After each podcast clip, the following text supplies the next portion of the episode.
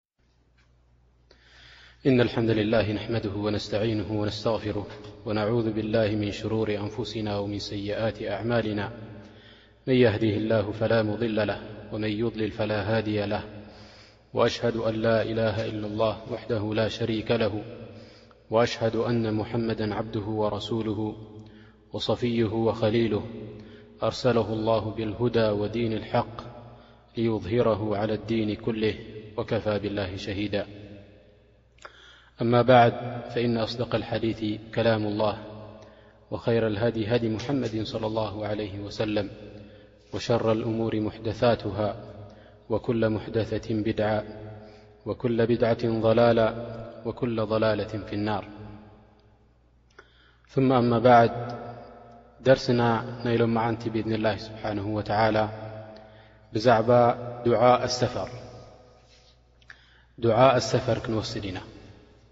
ኣብ ሰፈር ዝግበር ኣብ መገሻ ዝግበር ሓደ ሰብ ክገይሽ እንድሕር ኣ ደልዩ ኣብ መገሻ እንከሎ ኣብ ማእከል መገሻ እንከሎ ክምለስ እንከሎ ካብ መገሽኡ ንቶም ሰባት ኣሕዋቱ ይኹኑ ንቶም ኣዕሩኽቲ ይኹኑ ክፋነዎም እንከሎ እዚታት ድብሎ ዱዓታት ኩሉ ክንወስዶ ኢና ብኢድኒላህ ስብሓንሁ ወተዓላ። ጣብዓ እዛ ደርሲ ንወስዳ ዘለና ሎማዓንቲ መበል ዕስራ ደርሲ እያ እዚኣ እንሻ ላ ስብሓን ወተላ ግዜ እንድሕር ዳኣ ኣርኪብና ናይ መጨረሻ ደርሲ ክትከውን እያ እንድሕር ዳኣ ግዜ ደየርከብና ከዓ ብድሕሪኣ ሓንቲ ክትህልወና እያ ብእኡ ከኣ ደርስ ናይ ክታብ ሑስን ሙስሊም ኣብዚ ወዲእና ክንከውን ኢና ማለት እዩ ኣብ መበል ዕስራ ወይ ድማ ኣብ መበል ዕስራን ሓደን ደርሲ ክታብ ሑስን ሙስሊም ወዲእናያ ክንብል ኢና ማለት እዩ ወሃذ ምን ፈضሊ ላ ዘ ወጀል እዚ ካብቲ ናይ ረቢ ስብሓን ወተላ ፈضሊ ማለት እዩ ጠብዓ ዕድመ ሂቡና ኣብ ውሽጢ ሓደ ዓመት እዛ ክታብ እዚኣ ወዲእና እያ እንድሕር ደኣ ረቢ ስብሓነሁ ወተዓላ ወፊቑና ድማ በቲ ኣብኣ ዘሎ ኣዝካር ያዕኒ ዚክሩላሂ ስብሓነሁ ወተዓላ እንድሕር ደኣ ብእኡ ተግቢርና ያዕኒ ዓብዪ ዓስቢ ክህልወና እዩ ኣብ ረቢ ስብሓነሁ ወተዓላ ከምኡ ውን እቲ ቀሪብዎ ዘሎ ረብና ስብሓነሁ ወተዓላ ነቶም ዛኪሪን ንቶም ዚክር ዝገብሩ ንቶም ድዝክርዎ ለይትን መዓልትን ኣላሁ ስብሓነሁ ወተዓላ ክህበና እዩ ብፈድሊሂ ወመኒሂ ወከረሚሂ ማለት እዩ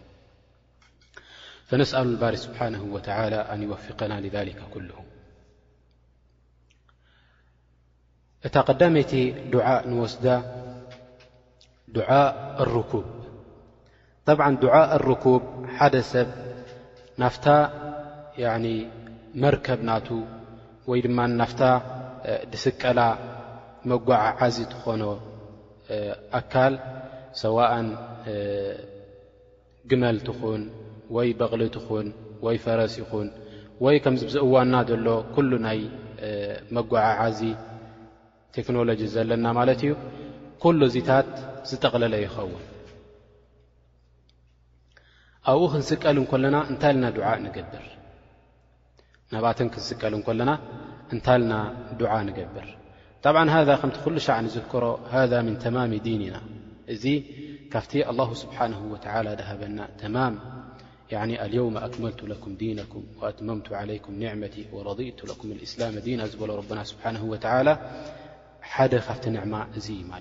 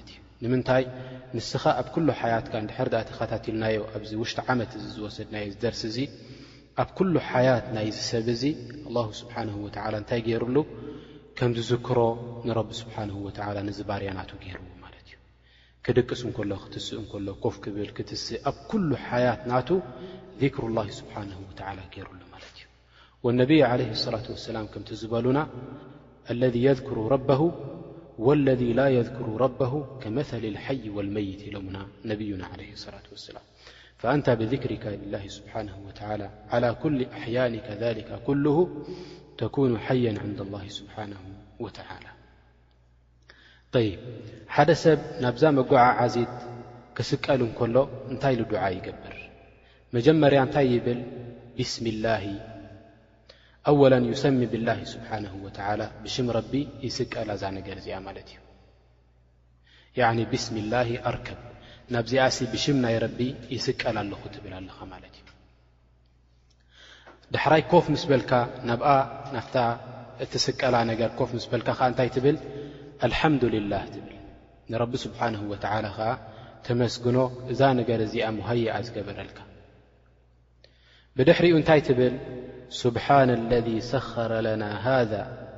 ወማ ኩና ለሁ ሙቅርኒን ትሰቢሕ ኣላ ስብሓን ወላ ንረቢ ስብሓን ወተላ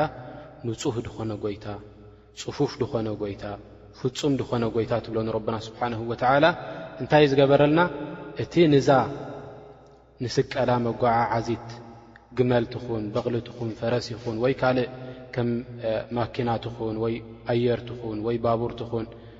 ዝፈጠረልና ረብና ስብሓንሁ ወተዓላ ሙሰኸራ ገይሩልና ሙሰኸራ እንታይ ማለት እዩ ሙዘለላ ኣብ ትሕቴና ንሕና ከም ድላይና ጌርና ከነንቀሳቕሳ ከም ንኽእል ገይሩልና ረብና ስብሓንሁ ወተዓላ ንዛ መጓዓዓዚት ስብሓን ላህ እንድሕር ዳኣ ተኣሙል ጌርና ይኣኽዋን ተኣሙል እንድሕር ደኣ ጌርና ሓደ ንእሽተይ ቆልዓ ንእሽተይ ቆልዓ ንገመል ከንዲምንታይ ትኸውን ገመል እንታይ ክገብራ ይኽእል ከም ድላዩ ክስሕባን ከም ድላዩ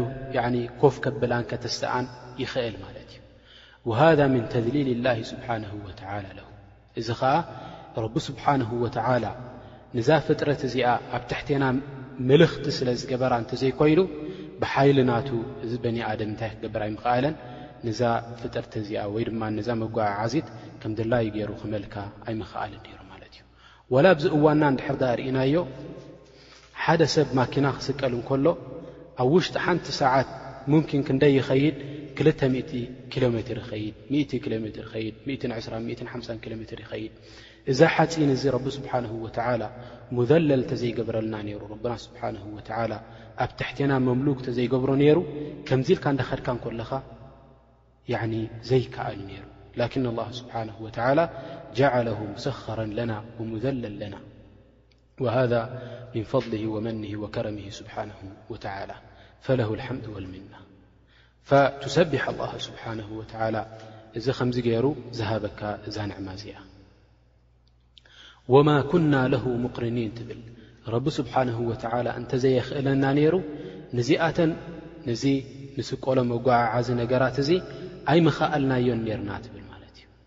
ኣይምኸኣልናዮን ኔርና እንታይ ደኣ ረቢ ስብሓነሁ ወተዓላ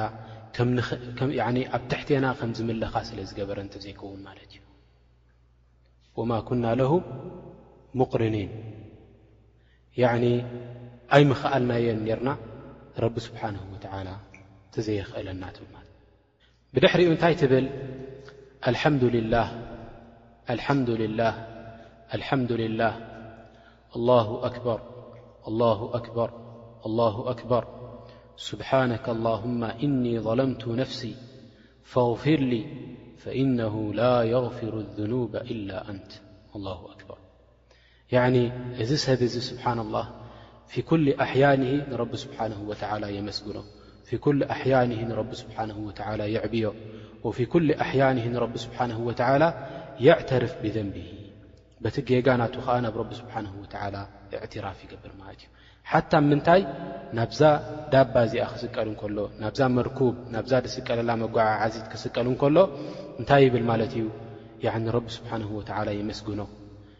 ከምኡ ውን ንረቢ ስብሓንሁ ወተዓላ የዕብዮ ከምኡ ውን እንታይ ይገብር ኣንታ ጎይታይ ኣነ ንዛ ነፍሰይ እዚኣ ዓሚፀያየ ነቲ ዓመፅ ናተይ ድማ ክቕፍሮን ክምሕሮን ድኽእል የለን ብጀካኻ መሓረኒ ኢልካ ንረቢ ስብሓንሁ ወተዓላ ትልምኖ ማለት እዩ ሃ ዑቡድያ ልላ ስብሓንሁ ወተዓላ ንረቢ ስብሓንሁ ወተዓላ ዑቡድያ ትርእዮ ኣለኻ ኣነ ትሕትና የርእካ ኣለኹ ኣነ ባርያ ናትካ ባርያ ምዃነይ የርእየካ ኣለኹ ትብሎ ንረብና ስብሓነሁ ወተዓላ ወቢዛሊከ ኣላሁ ስብሓነሁ ወተዓላ እቲ ዘንቢ ናትካ ይቕፍረልካ ጠብዓን እዛ ዱዓ እዚኣ ኣብ ኩሉ ሓል ማለት እዩ ሰዋእን ክትስቀል እንኮለኻ ናብ መገሻ ይኹን ወይ ድማ ኣብ ውሽጢ ዓዲ ኣብ ውሽጢ ዓዲ ንዛ መጓዓዓዚ ተሰቒልካ ክትከይድ እንኮለኻ እዛ ዱዓ እዚኣ ትብላ ማለት እዩ ክትስቀል እንኮለኻ ናብ ማኪናኻ ይኹን ናብ በቕልኻ ይኹን ናብ ፈረስካ ይኹን ናብ ግመልካ ይኹን ናብ ኩሉ መጓዓዓዚ ዝኾነ ነገር ክትስቀል እንኮለኻ እዛ ዱዓ እዚኣ ትብላ ማለት እዩ ብድሕሪኡ እንታይ ኣለና ዱዓ ኣሰፈር ዱዓ ኣሰፈር ንሰፈር ክኸይድ እንከሎ ሓደ ሰብ ድማ ንመገሻ ክኸይድ እንከሎ እንታይ ኢሉ ዱዓ ይገብር ጠብዓን የኣኽዋን ኣሰፈር ከምቲ ነቢ ዓለይሂ ሰላት ወሰላም ድበሉና ቂጥዐቱን ምና ልዓዛብ ኢሎም መገሻ ሓደ ክፋል ናይ ምንታይ ኢሎምና ነቢ ዓለይሂ ሰላት ወሰላም ናይ ዓዛብ ኢሎምና ያዕኒ ናይ ጸበባ ናቱ ክፋል ሓደ ኢሎምና ነቢ ዓለይሂ ሰላት ወሰላም ስለዚ ሓደ ሰብ ክገይሽ እንከሎ እንታይ ኢል ንረቢ ስብሓን ወተላ ዱዓ ክገብረሉ ይግባእ ምእንቲ ረቢ ስብሓን ወላ ምስኡ ክኸውን ምእንቲ ረቢ ስብሓን ወተላ ንዚ ሰብ እዚ ምእንቲ ክሓፍዞ እንታይ ይብል ኣላ ኣክበር ኣላ ኣክበር ኣላ ኣክበር ይብል ብድሕሪኡ እንታይ ይብል ስብሓን ኣለዚ ሰኸረ ለና ሃዛ ወማ ኩና ለሁ ሙቅሪኒን ወኢና ኢላ ረቢና ለሙንቀሊቡን ዳሕራይ ናፍታ ነታ ተሰቐላ ልክዕ ከምታ ናይ ዓንተወይ ነታ መጓዓዓዚት ነገር ረቢ ስብሓንሁ ወተዓላ እተዘየፍኩሰልና ነይሩ እቲ ንፁህ ፍፁም ዝኾነ ጎይታ ንሱ እተዘይእኽእለና ነይሩ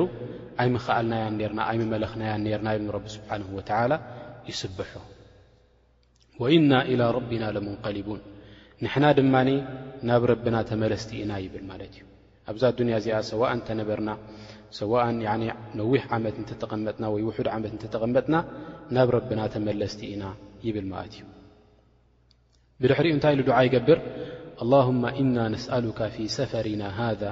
ኣልብረ ወተቅዋ ያ ኣላህ ይብል ኣንታ ጎይታይ ይብል ንረብና ስብሓን ወተላ ንሓተካ ኣለና ንልምነካ ኣለና ዱዓ ንገብረልካ ኣለና እዚ መገሻ ናትና ኣብኡ እንታይ ንክትገብረልና ኣልብረ ወተቅዋ ፅቡቕ ተግባር ክትህበና ኣብኡ ፍርሒ ናትካ ንክትህበና ናብኡ ንልምነካ ኣለና ኢሉ ንረቢ ስብሓን ወተላ ይልምኖ ወምና ልዓመሊ ማ ተርዳ ከምኡ ውን ናብቲ ትፈትዎ ተግባራት ናብኡ ክትውፍቐና ናብኡ ክትሕብረና ንልምነካ ኣለና ዩ ንረቢ ስብሓን ወተላ ይልምኖ እንታይ ይብል ኣላሁማ ሃውን ዓለይና ሰፈረና ሃذ ያ ኣላህ ይብል ኣንታ ጎይታይ እዚ መገሻ ናትና እዚ መንገዲ ናትና እንታይ ግበረልና ሃይን ግበረልና ይብሎ ፎኪስ ግበረልና ኢሉ ንረቢ ስብሓንሁ ወተዓላ ይልምኖ ወጥዊ ዓና ቡዕደሁ ከምኡ እውን እቲ ርሕቀት ናቱ እንታይ ግበረልና ጠቕልለልና ይብል ማለት እዩ ሓፂር ግበረልና እቲ ድርሕቀት ናቱ ሓጺር ግበረልና ጠቕልለልና ይብሎ ማለት እዩ ረብና ስብሓንሁ ወተዓላ ኣላሁመ ኣንተ ኣሳሒቡ ፊ ሰፈር ኣንታ ጐይታይ ንስኻ ኢኻ ኣብዚ መገሻና ተኸታታሊና ይብሎ ማለት ንረብና ስብሓንሁ ወተዓላ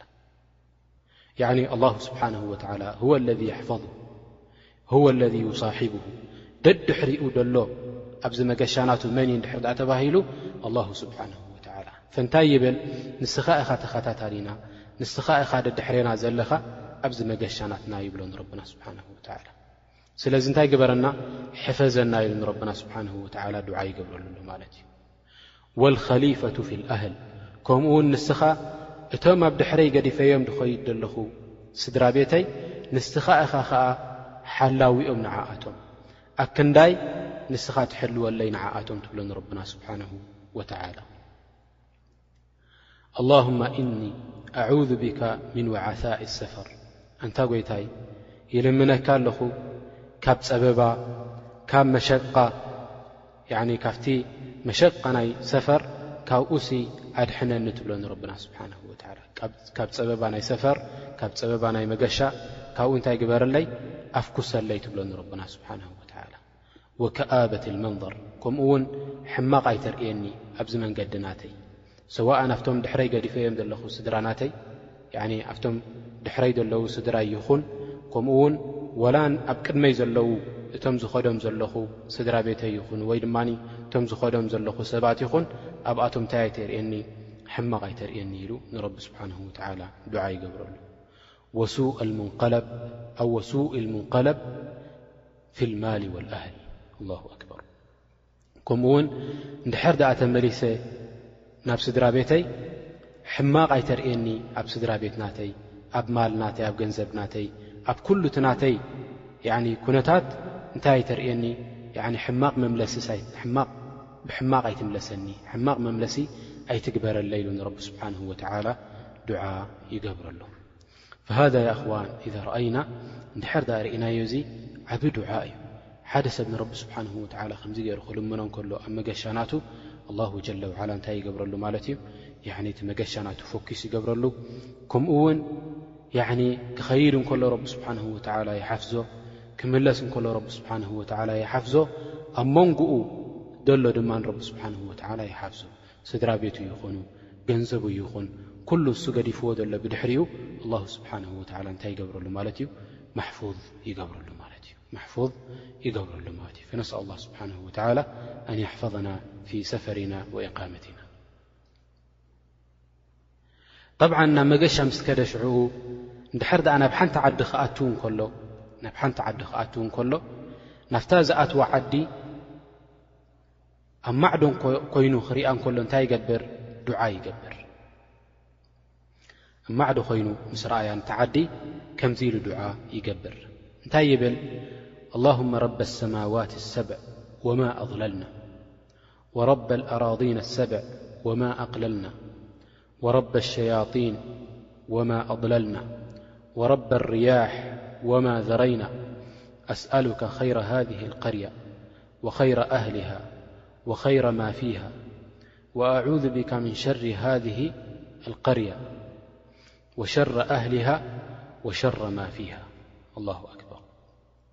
እዚ ዱዓእ እዚ ይገብር ማለት እዩ እንታይ ይብል ኣንታ ጎይታይ ኣላሁመ ረበ ሰማዋት ሰብዕ ኣንታ ናይዚ ሸውዓተ ሰማያት ጎይታ ድኾንካ ይብሎ ንረብና ስብሓን ወተላ ወማ ኣቕለልና ከምኡ ውን ንሳተን ሸፊነንኦ ዘለዋ ያዕኒ ኣብ ትሕቲአን ዘሎ ናታተንን ድኾንካ ጎይታ ኢሉ ንረቢ ስብሓን ወተላ ይልምነሎ ማለት እዩ ወረብ ኣልኣራዲን ኣሰብዕ ወማ ኣቅለልና ከምኡ ውን ናይ ሸውዓተ መሬት ጎይታ ዝኾንካ ከምኡ ውን ንሳተን ሒዞንኦ ዘለዋ ድኾንካ ጎይታ ይብሉ ማለት እዩ ወረብ ኣሸያጢን ወማ ኣቅለልና ከምኡ ውን ናይዞም ኩሎም ሸያጢን ጎይታ ንስኻ ኢኻ ናቶም ኢላህ ንስኻ ኢኻ ይብሎ ንረብና ስብሓን ወተላ ከምኡ ውን እቶም ሸያጢን ኣጥፊኦሞም ዘለዉ መንገዲ ስሒቶሞም ዘለዉ ናይ ኩሎም ጎይታ ንስኻ ኢኻ ይብሎ ንረብና ስብሓን ወተላ ወረበ ርያሕ ወማ ደረይና ከምኡውን ናይዚ ንፋስ ጎይታ ዝኾንካ እዚ ንፋስ ኩሉ ዘንቀሳቕሶ ዘበለ ድማ ናቱ ዝኾንካ ጎይታ ይብሎ ንረብና ስብሓንሁ ወተዓላ ኩሉ እዚ እንታይ እዩ ዝገብር ዘሎ ንረቢ ስብሓንሁ ወተዓላ ይምጉሶ እዩ ዘሎ ይምጉሶ እዩ ዘሎ በቲ ዝግብኦ ንረብና ስብሓንሁ ወተዓላ ብድሕሪኡ እንታይ ይብል ኣስኣሉካ ኸይረ ሃ ልቀርያ ወኸይረ ኣህሊሃ እንታ ጐይታይ ናይዛ ቐርያ እዚኣ ናይዛ ዓዲ ዝኣትዋ ዘለኹ ናታሲ ናታ ጽቡቕ ናታ ኼር ይሓተካ ኣለኹ ይብሎ ንረብና ስብሓንሁ ወትዓላ ወኸይረ ኣህሊሃ ከምኡ ውን እቶም ናታ ኣህል እቶም ናታ ሰባት ድማ ናታቶም ኼር ከኣ ይሓተካ ኣለኹ ሰብ ጽቡቕ ናታስ ምስኣቶም ኣጋጥመኒ ትብሎ ኣለኻ ንረብና ስብሓን ወተላ ወኸይረ ማ ፊሃ ከምኡ ውን ኣብኣ ዘሎ ኩሉ ኼር ይሓተካ ኣለኹ ክትህበኒ ኢሉ ንረብና ስብሓን ወተላ ዱዓ ገብረሉ ከምኡ ውን እንታይ ይብል ወኣዑዙ ብካ ምን ሸሪሃ ካብቲ ሸሪ ናታ ናይዛ ዓዲ እዚኣ ድማ ናባኻ ይዕቆብ ኣለኹ ወሸረ ኣህሊሃ ናይታ ኣብኣ ዘለዉ ሰባት ሸሪ ዘለዎም ሰባት ድማ ካብኣቶም ከኣ ናባኻ ዕቁብ ኣለኹ ካብኣቶም ኣርሕቐኒ ትብሎ ንረብና ስብሓንሁ ወተዓላ ወሸረ ማ ፊሃ ኩሉ ሸሪ ዝበሃል ኣብኣ ዘሎ ድማ ካብኡ ድማ ኣርሕቐኒ ኢልካ ንረብና ስብሓን ወተዓላ ዱዓ ትገብረሉ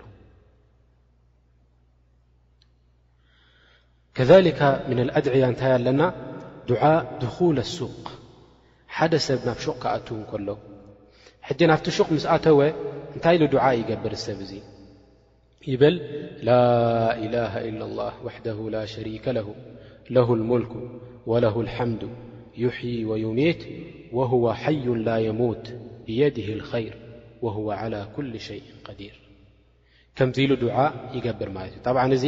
ኣብ መገሻ ይኹን ወላ ከይገሸ ይኹን እንድሕር ድኣ ኣብ ዝኾነ ሹቕ ኣትዩ ከምዚ ኢሉ ዱዓ ይገብር ጠብዓ ይኣኽዋን እዚ ዱዓ እዚ ኣብቲ መጀመርያ ደርሲ ክንጅምር እንከልና ዓሚ ንጠቕሶ ነርና እዚ ዱዓ እዚ ዱዓ ዓዚም ይኣኽዋን ረቢ ስብሓን ወተዓላ እንታይ ኣጅሪ ገይሩሉ እንታይ ገይሩሉ ኣጅሪ እንድሕር ድኣ እዛ ዱዓ እዚኣ ኢልካ ኣልፍ ኣልፍ ሓሰና ኣለካ ያኒ ሓደ ሚልዮን ረቢ ስብሓንሁ ወተዓላ ሓሰና ይፅሕፈልካ ወኣልፍ ኣልፍ ሰይኣ ናትካ ድማ ሚልዮን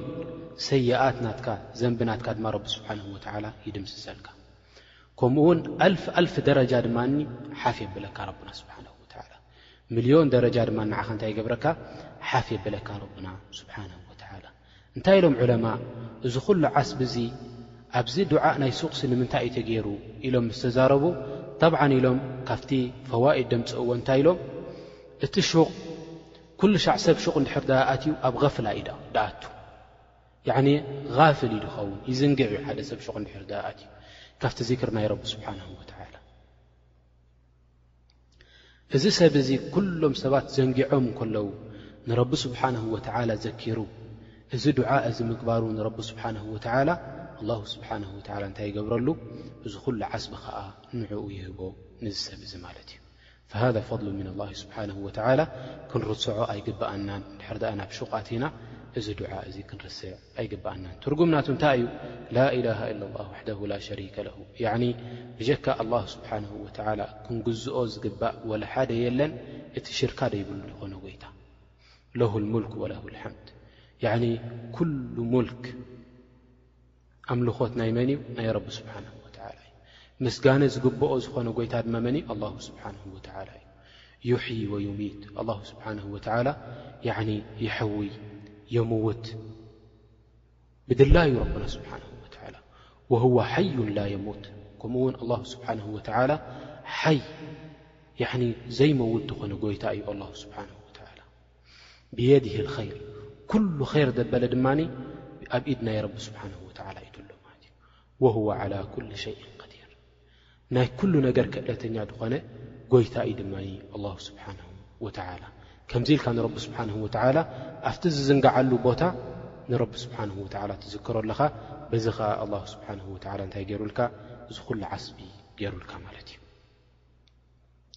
ከሊካ ምን ኣድዕያ እንታይ ኣለና ድዓ ኢዛ ተዒሰ ኣልመርኩብ ተዒሰ ኣልመርኩብ እንታይ ማለት እዩ እንድሕር ደኣ እታ ተሰቒልካያ ዘለኻ መጓዓዓዚት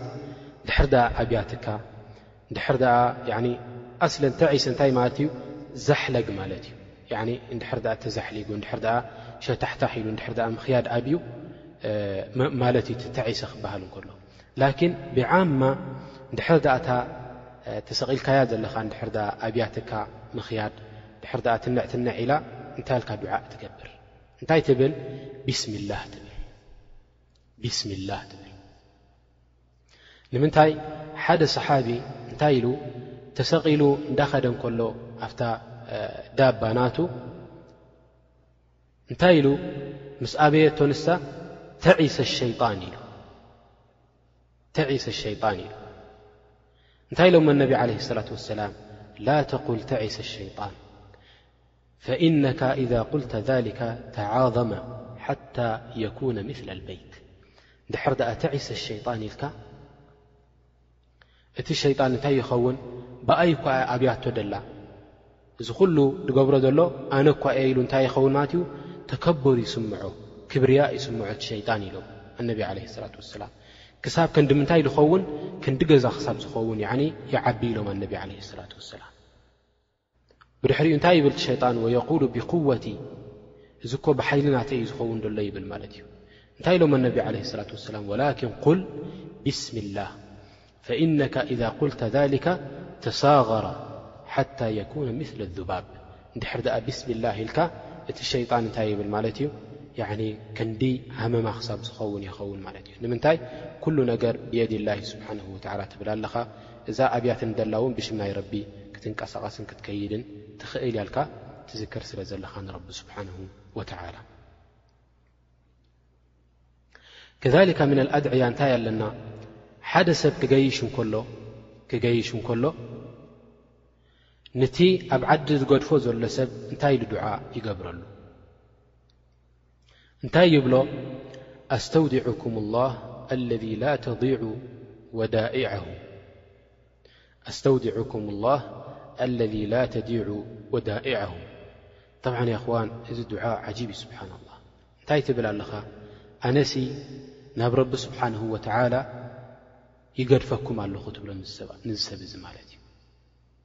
ያኒ ኣስተሕፊዙኩም ቢላህ ረቢ ስብሓንሁ ወተዓላ ንኽሓፍዘኩም ኣብቲ ሕፍዚ ናይ ረቢ ስብሓንሁ ወተዓላ ይገድፈኩም ኣለኹ ትብሎ ንዚ ሰብ እዙይ እቲ እንታይ ድኾነ እቲ ጐይታ እንድሕር ደኣ ሕፍዚ ሂብካዮ ሕፈዘለይ ኢልካ ሕፈዘለይ እዛ ነገር እዚኣ ኢልካ እንድሕር ደኣ ሂብካዮ ደየጥፍእ ድኾነ ጐይታ ናብኡ ይገድፈኩም ኣለኹ ትብሎ ንዚ ሰብ እዚ ማለት እዩ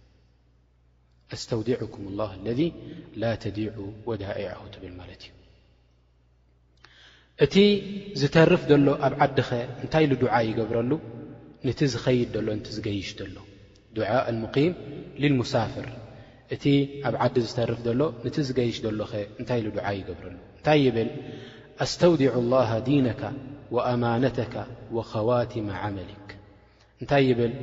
ያዕኒ ናብ ረቢ ስብሓንሁ ወተዓላ ክሓፍዘካ ይልምነልካ ኣለኹ እንታይን እንታይን ክሓፍዘልካ ዲነክ ዲንካ ንምንታይ ኩሉ ሻዕ የኣኽዋን ኣሰፈር መዘነት ልغፍላ ድሕር ድኣ ሓደ ሰብ ይገይሽ ኣሎ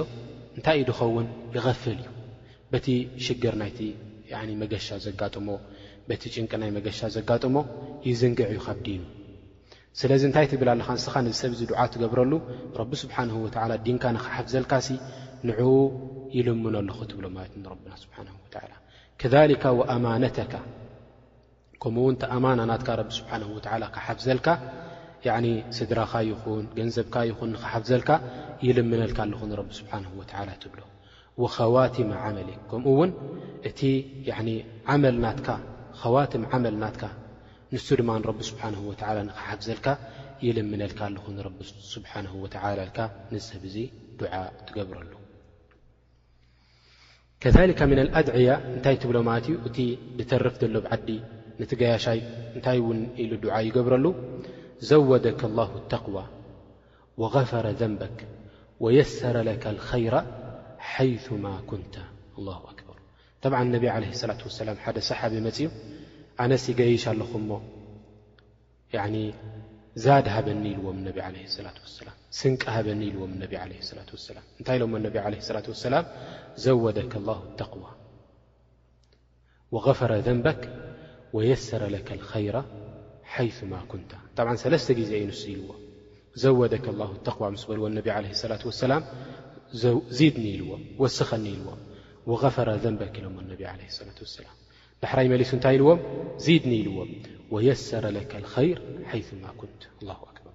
የኽዋን ሓቂቃ ዓጂብ ትኾነ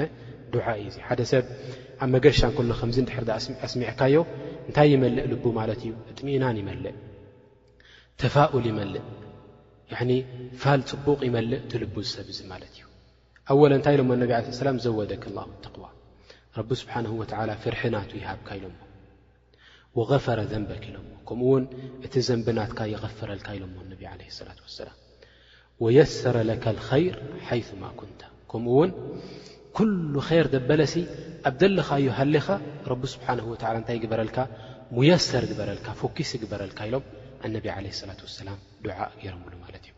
ተኸየል ሓደ ሰብ ክገይሽ እንከሎ ከምዚ ዓይነት ዱዓ እዚ ክትገብረሉ እንከለኻ እንታይ ይስምዖ ያኒ ከመይ ዓይነት ፍስሃ ይስምዖ ንዚ ሰብ እዚ ማለት እዩ።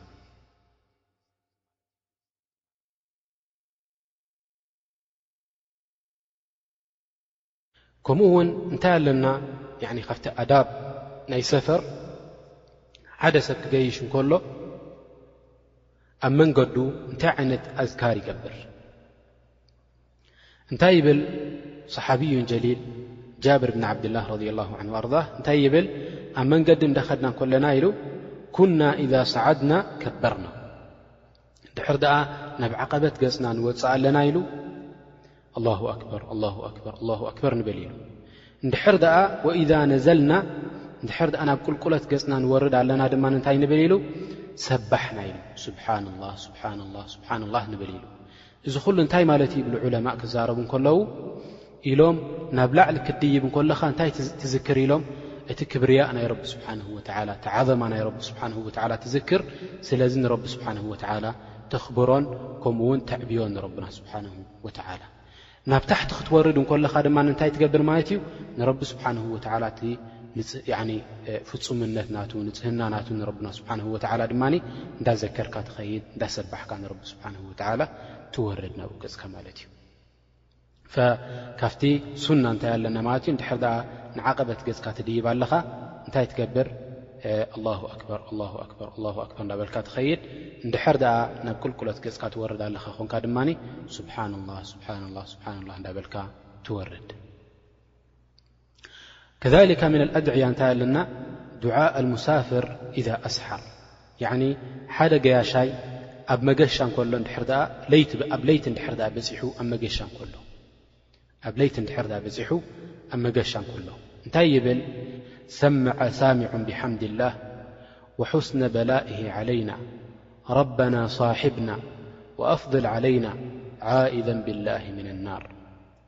እንታይ ይብል ለይቲ እንድሕር ደኣ ይጎዓዝ ኣሎ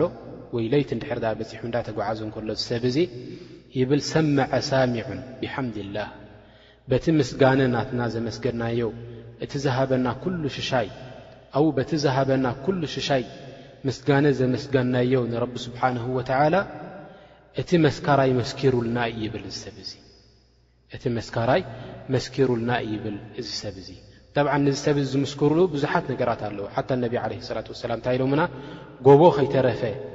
ያዕኒ እዚ ኣግራብ ከይተረፈ ሓደ ሰብ እንድሕር ደኣ ንረቢ ስብሓነሁ ወተዓላ ዝክሪ ገይሩሉ ኣብ ዮም ኣልቅያማ እዞም ነገራት እዚኣቶም ይምስክሩሉ ንዚ ሰብ እዚ ማለት እዩ ኢሎም።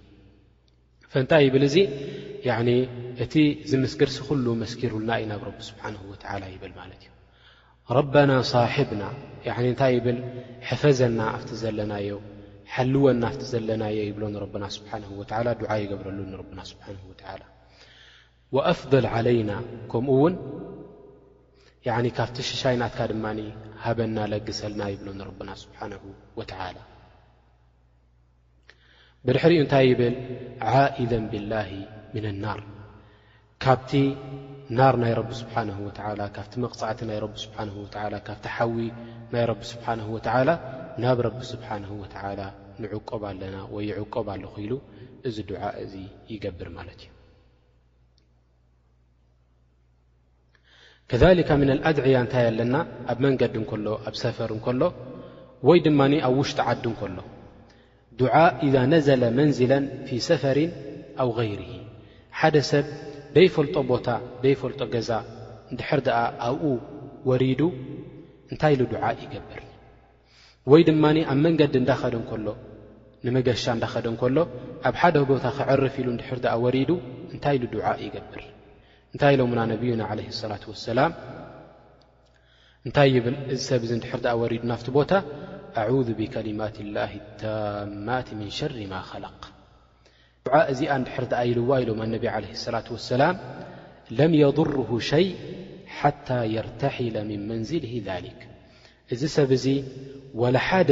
ዝጎድኦ ነገር የለን ክሳብ ካብዛ ቦታ እዚኣ ዝላቐቕ ኢሎምና ኣነቢ ዓለይሂ ሰላቱ ወሰላም ስለዚ እዚ ብጣዕሚ ክንግደሰሉ ዝግበኣና ነገር እዩ ማለት እዩ ካሰተን ብዙሓት ሰባት እንታይ ኣለና ያኒ ብጣይራ እንድሕር ደኣ ትገይሽ ኮንካ ብኣየር ትገይሽ እንድሕር ደኣ ኮንካ ካብ ሓደ ዓዲ ናብ ሓደ ዓዲ ትወርድ ኣብታ ዝወረድካላ ዓዲ ኮፍ ምስ በልካ ኣብታ ኤርፖርት ናታ ኮፍ ምስ በልካ እንታይ ትገብር እዚ ዱዓ እዚ ትገብር ከምኡ ውን ብማኪና ዝገይሽ ሰብ እንድሕር ኣሉ ኮይኑ እንዳገሸ እንከሎ እንድሕር ደኣ ኣብ ሓደ ቦታ ወሪዱ ከዕርፍ ኢሉ ኣብታ ቦታ እቲኣ ምስ ወረደ ድማ ከምኡ ዱዓ ይገብር ኣብ ውሽጢ ዓዲ እንድሕር ኣለኻ ኮንካ ድማ ዘይትፈልጦ ቦታ እንድሕር ደኣ ከድካ ወይ ድማ ኣብ ዝኾነ ቦታ እንድሕር ደኣ ከድካ ኣብኡ ምስ ወረድካ እንታይ ትገብር ማለት እዩ ኣብቲ ቦታ ትኾንከ ኸዓ እዛ ድዓ እዚኣ ትገብር በዚ ኸዓ ኣላሁ ስብሓንሁ ወተዓላ ይሓፍዘካ ክሳብ ካብታ ቦታ እቲኣ ትላቐቕ ከሊካ ምና ኣድዕያ እንታይ ኣለና ካብቲ ድዓ ذክሩ ርጁዕ ምና ሰፈር ሓደ ሰብ ካብ መገሻ ክምለስ እንከሎ እንታይ ኢሉ ድዓ ይገብር ካብ መገሻ ክምለስ እንከሎ እንታይ ኢሉ ድዓ ይገብር እንታይ ይብል ይከብር ዓላ ኩሉ ሸረፊን ሰላሰ ተክቢራት ያዕኒ ናብ ዝኾነ ላዕሊ ክድይብ እንከሎ ናብ ዓቐብ ገጹ ክድይብ እንከሎ እንታይ ይገብር ተክቢር ይገብር ኣላሁ ኣክበር ኣላሁ ኣክበር ኣላሁ ኣክበር ብል ሰለስተ ግዜ ከምቲ ዓንተወይ ዝጠቐስናዮ ማለት እዩ ثማ የቁል ድሕሪኡ እንታይ ይብል لا إله إل الله وحده لا شريك له له الك وله الحمد وهو على كل شيء قدير لحራي نታይ يبل أيبون تائبون عابدون لربنا حامدون صدق الله وعده ونسر عبده وهزم الأحزاب وحده ከምዚ ኢሉ ዱዓ ይገብር ክምለስ እንከሎ ካብ መንገዱ ማለት እዩ ካብቲ ሰፈር ናቱ ወይ ድማ ካብቲ መገሻ ናቱ ምስ ተመለሰ ከምዚ ዓይነት ዱዓ ይገብር ማለት እዩ ጣብዓ እዚ ኩሉ ዝዘከርናዮ ኣዳብ ናይ ምንታይ ማለት እዩ ኣዳብ ናይ ሰፈር ኣዳብ ናይ መገሻ ጠብዓን ኣብ መገሻ ዝግበር ብዙሕ ኣዳብ ኣለና ጠብዓን ንሕና ብዛዕባ ናይ ኣዝካር ስለ ንጠቅስ ዘለና እምበር ያዕኒ እንታይ ምገበርና ኔርና እቲ ኣብ መገሻ ዝግበር ኣዳብ ኩሉ እንዳጠቐስና ዮም ምኸድና ኔርና ላኪን ድሕር ድኣ እቲ ናይ መገሻ ክንጠቅስ ኮይንና ያዕኒ ሓደ ኻስ ዝኾነ ደርሲ ንዕኡ የድልዮ በዚ ኸኣ ግዜ ዝያዳ ክወስደልና ዩ ማለት እዩ ፈላኣል ኣላ ስብሓንሁ ወተዓላ ኣን የስር ለና ኣብ ከምዚ ዓይነት ደርሲ ምስ መጸና ድማ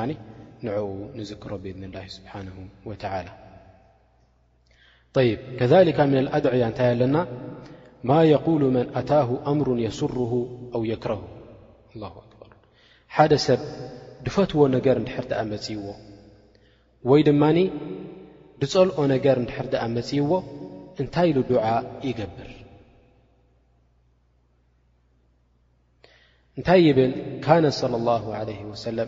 ነብይ صለ ላه ለ ወሰለም ኢዛ ኣታሁ ኣምር የስርሁ እንድሕር ኣ ነቢ ዓለ ሰላት ወሰላም ድፈትዎ ነገር ባህ ደብሎ ነገር እንድሕር ኣ መፅይዎ ቃል እንታይ ይብሉ ነይሮም ኣነቢ ለ ላት ሰላም ኣልሓምዱ ልላ ለذ ብንዕመት ተትሙ ሳሊሓት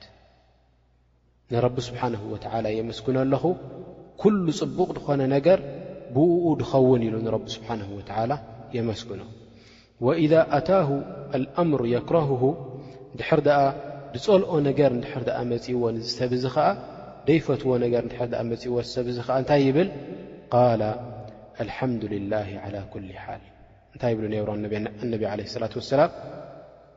እንታይ ይብሉ ነይሮም ኣነቢ ዓለ ሰላት ወሰላም ኣልሓምዱልላህ ዓላ ኩል ሓል ያዕኒ ንረብና ስብሓን ወተዓላ ነመስግኖ ኣብ ኩሉ ሓል ሰዋእን ፈቲና ንኹን ወላ ደይ ፈተና ንሕና እንታይ ኢና ንገብር ንጎይታና ነመስግን ኢሉ እዚ ሰብ እዚ ይዝከር እዚ ኣዝካር እዚ ማለት እዩ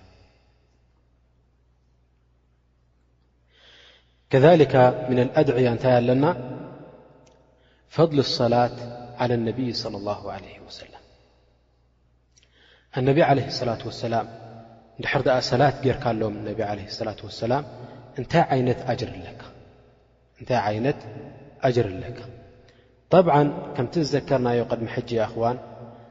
ኣሰላት ዓለ ነቢ እንታይ ማለት እዩ ብዙሓት ሰባት የኣኽዋን ስብሓና ላ ሓታ ሙስልሚን ብዙሓት ሙስልሚን እንታይ እዩ ሰላት ዓለ ነቢ ዓለ ሰላት ወሰላም ዶ ይፈልጡ ኣለዉ ስለዚ ንድሕር ዳኣ ርኢኻዮም ገለገለ ክርስትያን ንድሕር ዳኣ ርኢኻዮም እንታይ ይብልኻ ንስኻትኩምሲ ንሰብ ከይተረፍኩም እንዲኹም ትሰግዱ ይብልኻ ከመይ ጌርካ እንድሕር ድኣ ኢልካዮም እታ ኣያ የምጽኡልካ እታ ረቢ ስብሓንሁ ወተዓላ ቁርን ደውረዳ እንታይ ኢሉ ኣላሁ ስብሓንሁ ወተዓላ ኢነ ላህ ወመላኢከተሁ ዩሰሉን ዓላ ነቢይ ስለዚ ንስኻትኩም ከእንታይ ትገብሩ ኢኹም ነቢ ዓለህ ሰላት ወሰላምሲ ንነቢኹም ትሰግዱሉ ኢኹም ኢሎም ይዛረቡኻ ከምኡ ውን ጎይታ ከይተረፈ ይሰግደሉ እዩ ንነቢ ኢሎም ይዛረቡኻ ማለት እዩ ጠብዓ ገለገለ ሙስሊሚን እቲ ማዕና ናይ ሰላት ስለ ዘይፈልጥዎ እንታይ ይኾኑ ማለት እዮም ይስንብዱ እንታይ ዳኣ እዘ ካብ ቁርን እንዲምፅልና እንታይ ኮን ይኸውን ኢሎም ይስንብዱ እቲ ሓሳብ ይደናገሮም ማለት እዩ ሕጂ ብፅፉፍ ኣፀቢቕና ቅድም ንፍለጣታ ሰላት ዓነ ነቢ እንታይ ማለት እያ ብድሕሪኡ እንታይ ክንገብር ብድሕሪኡ እቲ ፈል እቲ ብልፀት ነቢ ለ ላት ሰላም ተእሰራት ጌርካሎም እንታይ ዓይነት ብልፀት ከም ዘለካ ኣብ ረቢ ስብሓን ወተላ ብድሕሪኡ ክንጠቅስ ማለት እዩ ሰላት ዓለ ነቢ እንታይ ማለት እዩ ኣኽዋን ብዙሓት ዑለማ እንታይ ኢሎም ሰላት ላሂ ሰናኡ ዓለይ ዕንደ መላካ ያኒ ኣላሁ ስብሓነሁ ወተዓላ ሰለላሁ ዓለይሂ ወሰለም ክትብል እንኮለኻ እታ ሰላት ናይ ረቢ ስብሓነሁ ወተዓላ ናብ ነቢ ዓለይሂ ሰላት ወሰላም ትኸውን እንታይ ማለት እያ ሞጎስ ንመን ሞጎስ ንነቢ ዓለይሂ ሰላት ወሰላም ኣፍቶም መላኢካ ድኸውን ማለት እዩ ኣላሁ ስብሓነሁ ወተዓላ እንታይ ይገብር ንነቢ ዓለይሂ ሰላት ወሰላም ይምጉሶም ናብ መን ናፍቶም መላኢካታት ናብቶም መላኢካታት ይምጉሶም ነቢ ዓለይሂ ሰላቱ ወሰላም ያዕኒ የኽብሮም ክብ የብሎም ነቢ ዓለይሂ ሰላቱ ወሰላም ሽሞም የልዕሎም ኣብቶም መላኢካታት ማለት እዩ ወሰላቱ ልመላኢካ እቶም መላኢካኸ ሰላት ክገብሩ እንከለዉ እንታይ ማለት እዩ እቶም መላኢካ ድማ ዱዓ ይገብሩ ማለት እዩ እቶም መላኢካ ድማ ዱዓ ይገብሩ ማለት እዩ ጠይብ ሕጂ ናብ ምንታይ ክንኣቱ ናፍቲ ብልፀት ነቢ ዓለ ሰላት ወሰላም እንድሕር ድኣ ሰላት ጌርካሎም እዚ ዝበልናዮ ማለት እዩ እንድሕር ድኣ ዱዓ ጌርካሎም ኣብ ረቢ ስብሓንሁ ወተዓላ ብልፅግና ንኽህልዎም ፈናእ ንኽህልዎም ሞጎስ ንኽህልዎም እንድሕር ድኣ ጌርካሎም ነቢ ዓለ ሰላት ወሰላም ዱዓ እንድሕር ድኣ ጌርካሎም ነቢ ዓለ ሰላት ወሰላም እንታይ ብልፀት ኣለካ ኣብ ረቢ ስብሓንሁ ወተዓላ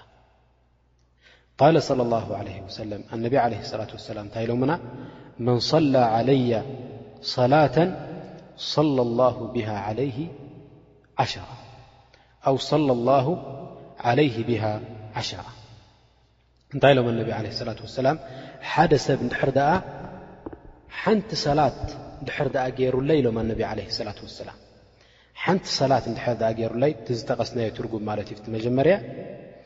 ኣላሁ ስብሓነሁ ወተዓላ ንዚ ሰብ እዚ ዓሰርተ ግዜ ከንደኣ ይህቦ ኢሎም ዓሰርተ ግዜ ከንደኣ ይህቦ ኢሎም ኣነቢ ዓለ ሰላት ወሰላም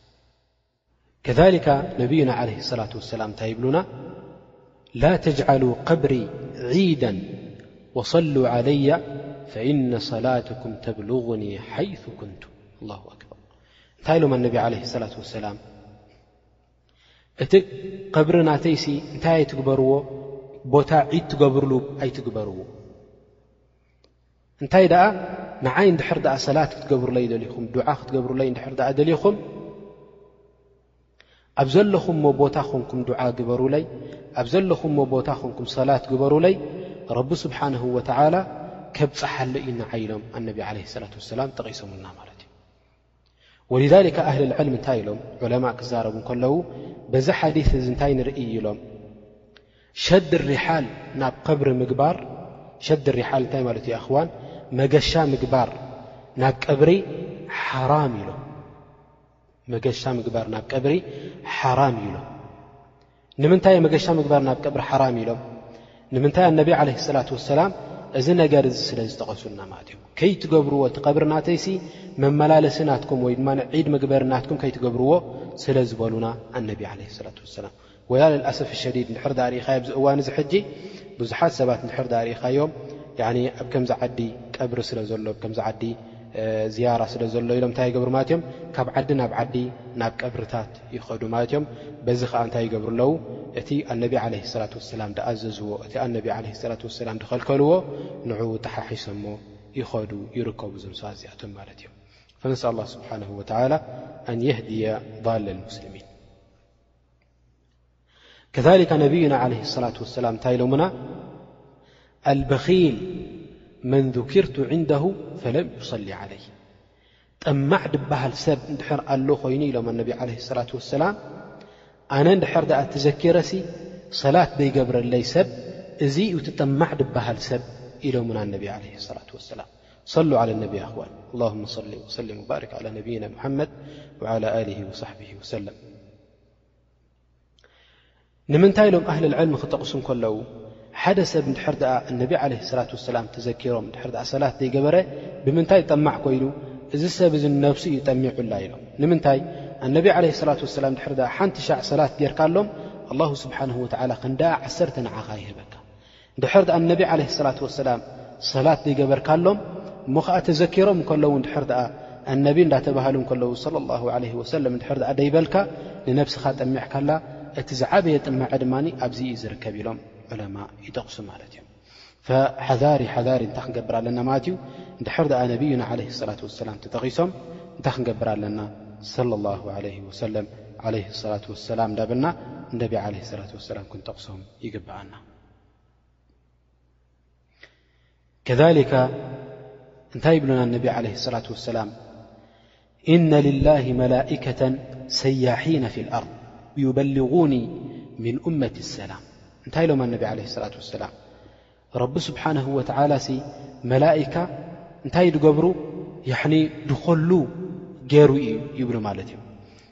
እንታይ ድገብሩ እዞም ሰባት እዚኣቶ ወይ ድማ እዞም መላእካታት እዚኣቶም ንምንታይ እዮም ድኸሉ እንድሕር ድኣ ሓደ ሰብ ሰላት ገይሩሎም ነቢ ዓለ ሰላት ወሰላም እዛ ሰላት እዚኣ ናብ መን የብፅሓ ማለት እዩ ናብ ኣነቢ ዓለ ሰላት ወሰላም የብፅሓሎም ማለት እዩ ናብ ኣነቢ ዓለ ሰላት ወሰላም የብፅሓሎም ማለት እዩ ኣላሁ ኣክበር ላሁ ጀለ ውዓላ መላእካ ከይተረፉ እንታይ ገይሩሎም ማለት እዮም ኣብ ፃሕቲ ንዚ ሰላም ናትካ ነቢ ዓለ ሰላት ወሰላም ትገብረሎም ገይሩሎም ማለት እዩ ኣላ ስብሓን ወተላ ፈላ ተብኸል ዓላ ነፍሲክ ኣንትሰሊ ዓላ ነብይና ለ ላ ለ ወሰለም ንነብስኻ ኣይትጠምዓላ ነቢ ዓለ ሰላት ወሰላም ሰላት ንኽትገብረሎም ለ ላ ለ ወሰላም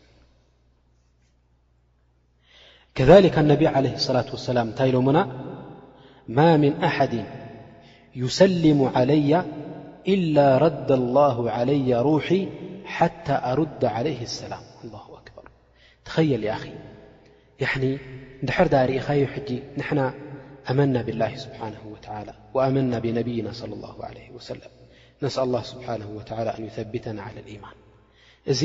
ዓብዪ ንዕማ ረቢ ስብሓነሁ ወተዓላ ሂቡና ምሽ ዶ ንሕና ኣይኮናንሲ እቶም ኩፋር ከይተረፉ ንስኻትኩም ብዝያዳ ትፈልጥዎ ኢኹም እቲ ፀሓፋይ ክፅሕፍ እንከሎ እቶም ዝበለፁ ሰባት ሚእቲ ሰባት ኢሉ ክታብ ዝፀሓፈ ወይ ድማ መፅሓፍ ዝፀሓፈ ሰብ ቀዳማይ ሰብ ካብኣቶም መን ገይሩ ነቢ ዓለ ሰላት ወሰላም ፅሒፍዎ ማለት እዩ ከሊካ ክዛረብ እንከሎ ሰብ እዚ እንታይ ይብል እዚ ኣብዚ ዓለም ዝርከብ ዘሎ ሽግር ኣብዚ እዋን እዚ ኢሉ ሙሓመድ ስለ ላሁ ዓለ ወሰለም እንተ ትነብር ነይሩ ፍንጃል ቡን እንዳሰተየ እንከሎ ምፈትሖ ነይሩ እዩ ይዛረብ ማለት እዩ ፈማ ባለክ ኣንተ ኣመንታ ብነቢይ ስለ ላ ለ ወሰላም እዞም ሰባት እዚኣቶም ብልፅግና ናይ ነቢ ዓለ ስላት ወሰላም ክንደይ ምዃኑ ዝፈለጥዎ ሰባት ፈማ ባሉካ ንስኻ ነቢ ዓለይሂ ሰላት ወሰላም ሰላም ክትገብረሎም እንከለኻ ኣላሁ ስብሓነሁ ወተዓላ እቲ ሩሕ ናቶም ይመልሰሎም እነቢ ዓለይሂ ሰላት ወሰላም ንዓኻ ምእንቲ ሰላምካ ክምልሱልካ እዚ ዓቢ ብልጸት እዩ ማለት እዩ ኣብ ረቢ ስብሓነሁ ወተዓላ። ፈኣንተ ኩሉ ማ ሰለምተ ዓለ ነብይ صለ ላሁ ለ ወሰለም ኩሉ ማ ነቢ ዓለ ሰላት ወሰላም ሰላት ጌርካሎም ሰላም ጌርካሎም ነቢ ዓለ ሰላት ወሰላም ረቢ ስብሓን ወተዓላ እንታይ ይገብር ማለት እዩ እቲ ሩሕ ይመልሰሎም ነቢ ዓለ ሰላት ወሰላም ረቢ ስብሓን ወተዓላ እቲ ሩሕ ይመልሰሎም ነቢ ዓለ ሰላት ወሰላም ምእንቲ ንዓኻ ክምልሱልካ ፈሃዛ ፈድሉ ሚነላሂ ስብሓነሁ ወተዓላ ኢኽዋን ያዕኒ ሕርሲ ክንገብር ይግባእ ክንቃለስ ይግባእ ምእንቲ እንታይ ክንገብር ምእንቲ ያዕኒ እቲ ፈድል ናይ ሰላት ዓለ ነቢ ዓለይሂ ሰላት ወሰላም ክንፈልጦ ያዕኒ ካብቲ ያዕኒ ረቢ ስብሓነሁ ወተዓላ ብእኦም ገይሩ ካብ ጸልማት ናብ ብርሃን ደውጻኣና ነብዩና ዓለይሂ ሰላት ወሰላም እዚ ዅሉ እዚ እንታይ ክንገብር ኣለና ማለት እዩ ክንዝክሮ ይግባኣና ብእኡ ድማ ሰላት ነቢ ዓለይሂ ሰላት ወሰላም ያዕኒ ክንገብር ይግብኣና። ዝጠማዕና ንሰብና ወይ ድማ ዝጠማዕና ንነብስና ክንከውን ኣይግብኣናን። ከዛሊካ ሚን ኣልኣድዕያ እንታይ ኣለና ኣነቢ ዓለይሂ ሰላት ወሰላም ዝወጅሁና ኣነቢ ዓለይሂ ሰላት ወሰላም ዝመሃሩና እንታይ ኢሎምና ኢፍሻእ ኣሰላም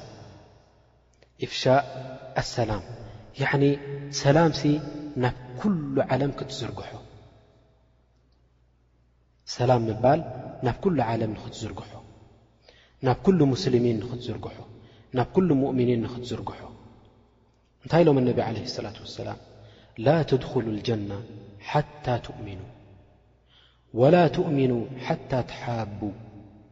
أولا أدلكም على شيء إذا فعلتمه تحببتم أفشو السላام بينكم الله أكبر إሎም لا تدخل الجنة حتى تؤምن نዛ جና እዚኣሲ ክትኣትዋ ይትኽእሉን ኢኹም ክሳብ ተأምن برب سبሓنه ول ኢሎ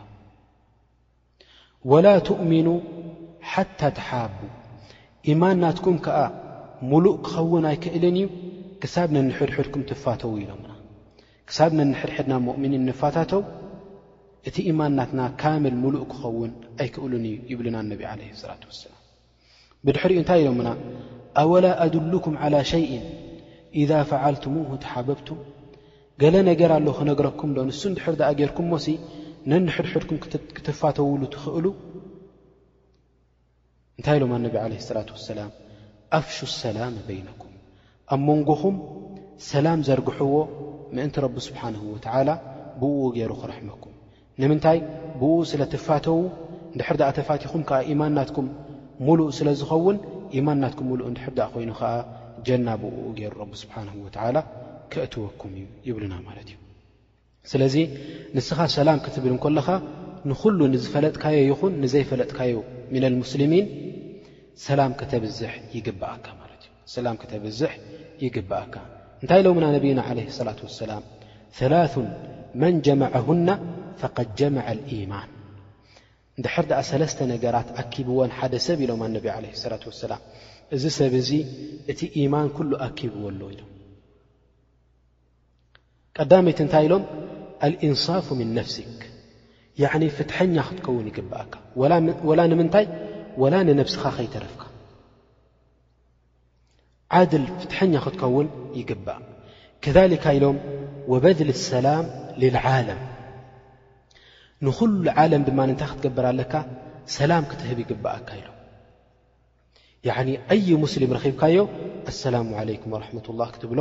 ይግብኣካ። ወልኢንፋቅ ምና ልእክታር ሓደ ሰብ ድኽነት እንከለዎ እንከሎ እንድሕር ደኣ እንታይ ደብዝሕ ኮይኑ ሰደቃ እንድሕር ደኣ ደብዝሕ ኮይኑ እዘን ሰለስተ ነገራት እዚኣተን ዝኣከበን እዚ ሰብ እዚ ኢማን ናቱ መሊኡ ኢሎምና ኣነቢ ዓለይሂ ሰላት ወሰላም።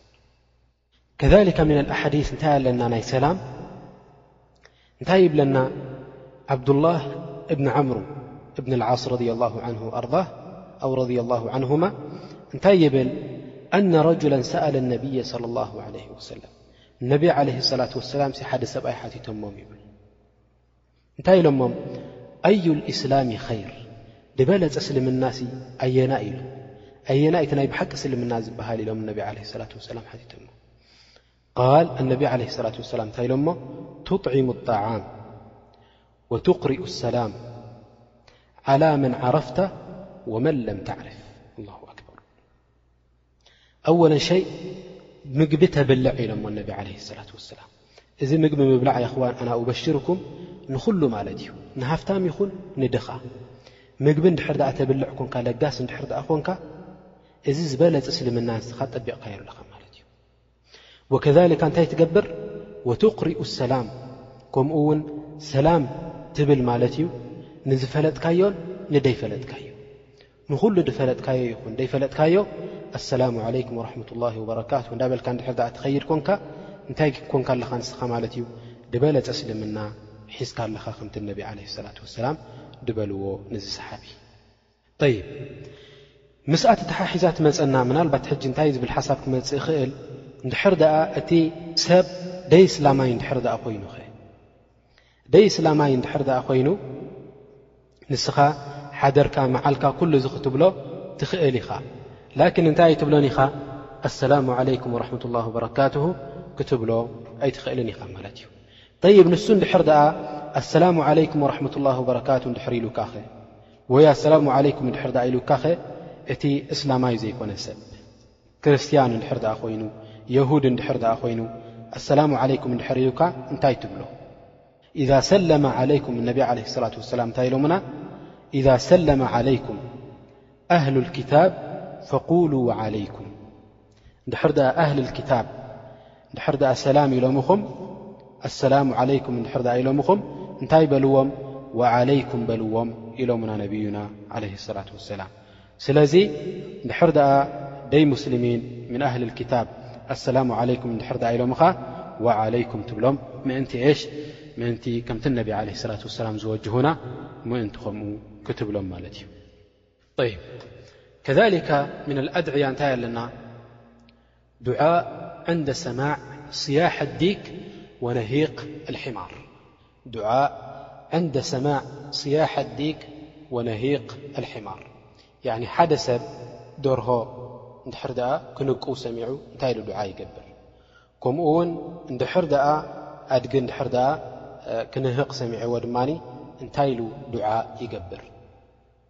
እንታይ ኢሎምና ነብዩና ዓለይሂ ሰላት ወሰላም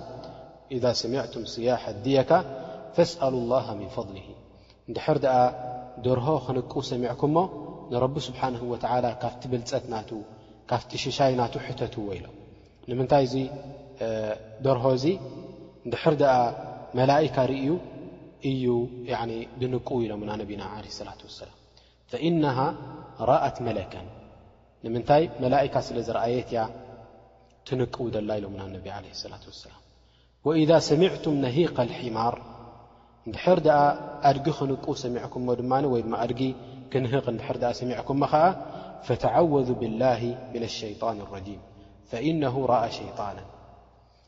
እንድሕር ደኣ እዚ ኣድጊ ሰሚዕኩሞ ከኣ እንታይ ግበሩ ኣዑዙ ቢላሂ ሚነ ሸይጣን ረጂም በሉ ንምንታይ እዚ ዝንህቆ ዘሎ ሸይጣን ስለ ዝረኣየ እዩ ኢሎሙና ነብዩና ዓለይሂ ሰላት ወሰላም ከምኡ ውን ሚነል ኣድዕያ እንታይ ኣለና ኣዱዓ ዕንደ ሰማዕ ኒባሕ ልኪላብ ብለይል ከልቢ እንድሕር ደኣ ብለይቲ ውሕ ክብል እንድሕር ደኣ ሰሚዕካዮ እንታይ ትገብር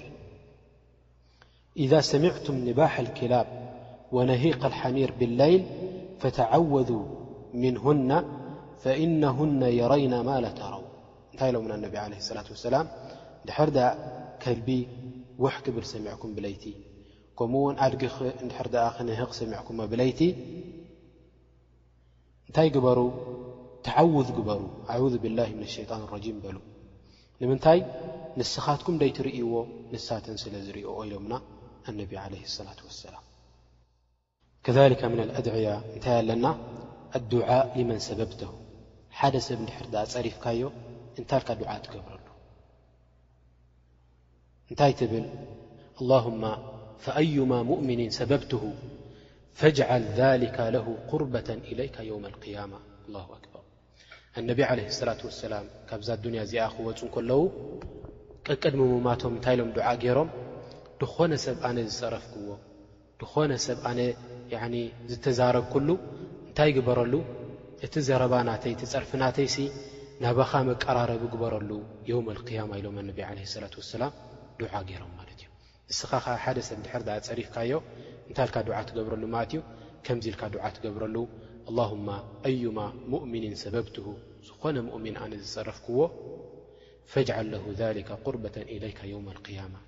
እዚ ነገር እዚ መቀራረቢ ናትካ ግበረሉ ኣብ የውም ኣልቅያማ ኢልካ ነዚ ሰብ እዚ ዱዓ ትገብረሉ ማለት እዩ ከሊከ ምና ኣድዕያ እንታይ ኣለና ማ የቁሉ ልሙስሊም ኢዛ መድሐ ኣልሙስሊም ሓደ ሰብ እንድሕር ደኣ ንሓደ ክመድሖ እንድሕር ደኣ ሰሚዑ ክመድሖ እንድሕር ደኣ ሰሚዑ ብዛዕባኡ ብዙሕ ፅቡቕ ነገር ክዛረብ እንድሕር ደኣ ሰሚዑ እንታይ ይብል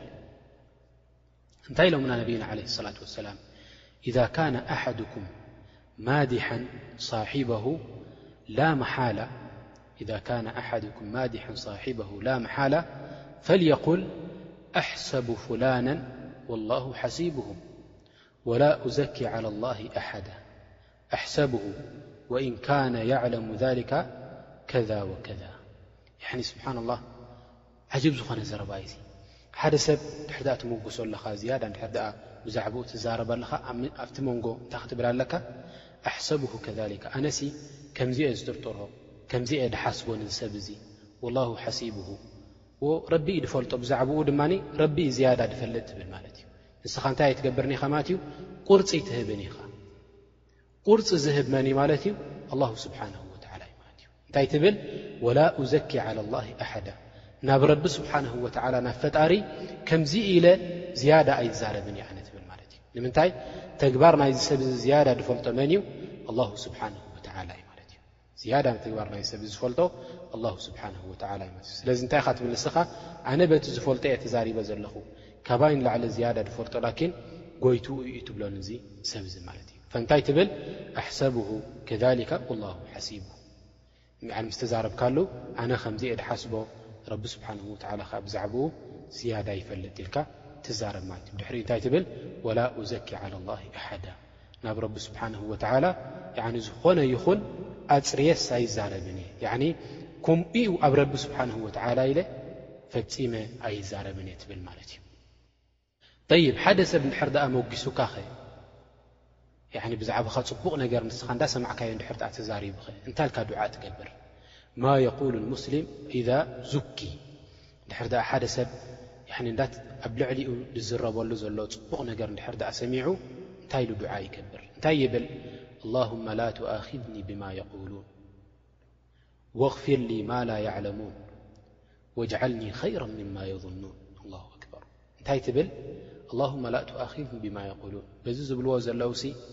ብኡ ኣይትሓዘኒ ንዓይ ትብሎ ንረቢ ስብሓን ወተላ ንስኻ ኢኻ ዝያዳ ትፈልጠኒ ንዓይ ጎይታይ ትብሎ ንረቢ ስብሓን ወተላ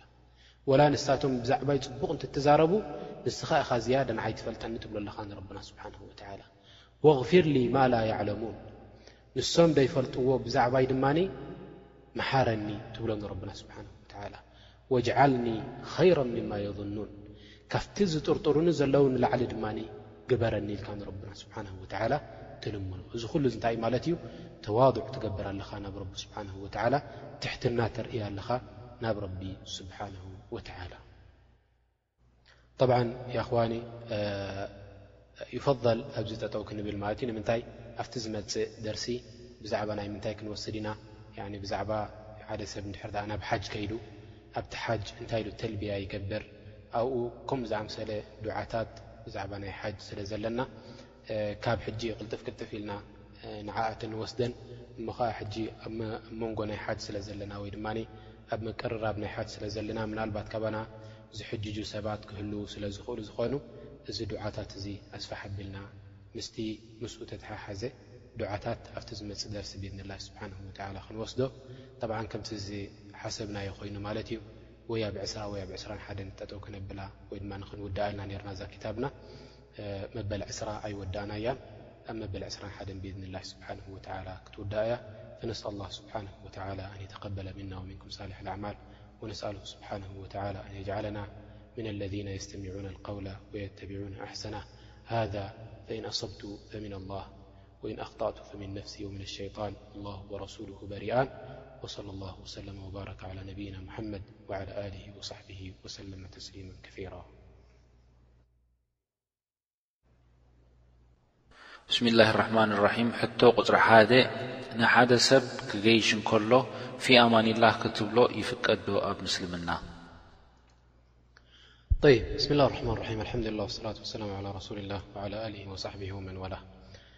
ጠብዓን ንሓደ ሰብ ክትገይሽ እንከለኻ ፊ ኣማኒላህ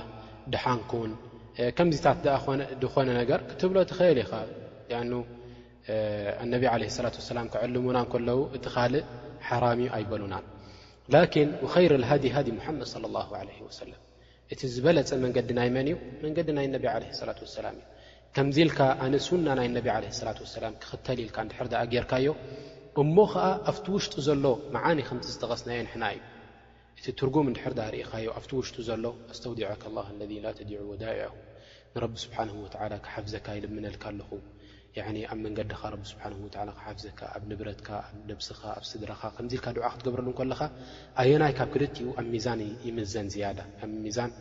ይኸብድ ጠብዓን እቲ ሱና ናይ ነቢ ዓለይሂ ሰላቱ ወሰላም እዩ ማለት እዩ ንምንታይ ኣነቢ ዓለይሂ ሰላቱ ወሰላም ኡትየ ጀዋሚዐል ከሊም እነቢ ዓለ ሰላት ወሰላም ኡትየ ጀዋሚዐ ልከሊም ጀዋሚዐ ልከሊም እንታይ ማለት እዩ ጥቕልል ድበለ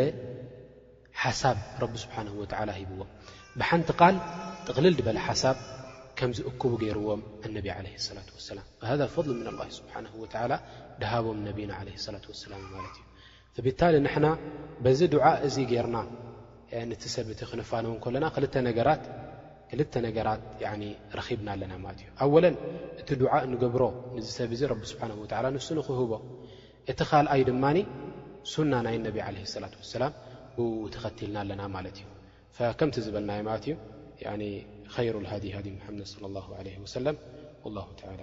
ላ ለ ነና ሓመድ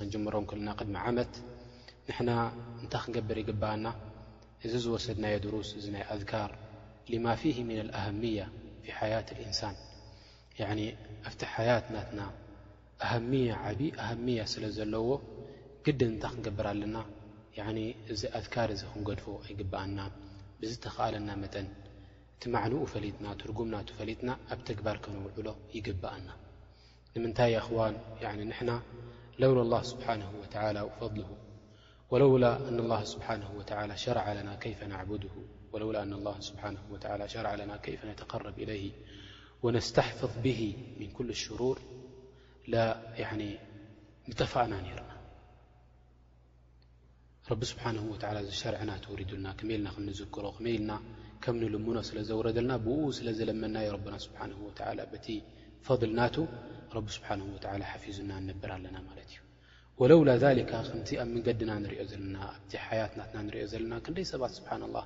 ያኒ ምንሁም መን ቱሲብሁ ልዐይን ዓይኒ ትርእዮ ዓይኒ ሓሳድ ድርእዮ ማለት እዩ ኣብ ማሉ ይኹን ኣብ ገንዘቡ ይኹን ኣብ ስድርኡ ይኹን ኣብ ጥዕንኡ ይኹን ከምኡ ውን ኣብ ትጃራ ናቱ ይኹን ኣብ ኩሉ ነገራት ሸር ደጋጥሞ ብዙሕ ሰብ ያኒ ንርኢ ማለት እዩ እዚ ኩሉ ኣስባብ ናቱ ድማ እንታይ እዩ ማለት እዩ ኣልቡዕድ ዓን ዚክሪ ላሂ ስብሓነሁ ወተዓላ ወዓን ጣዓትሂ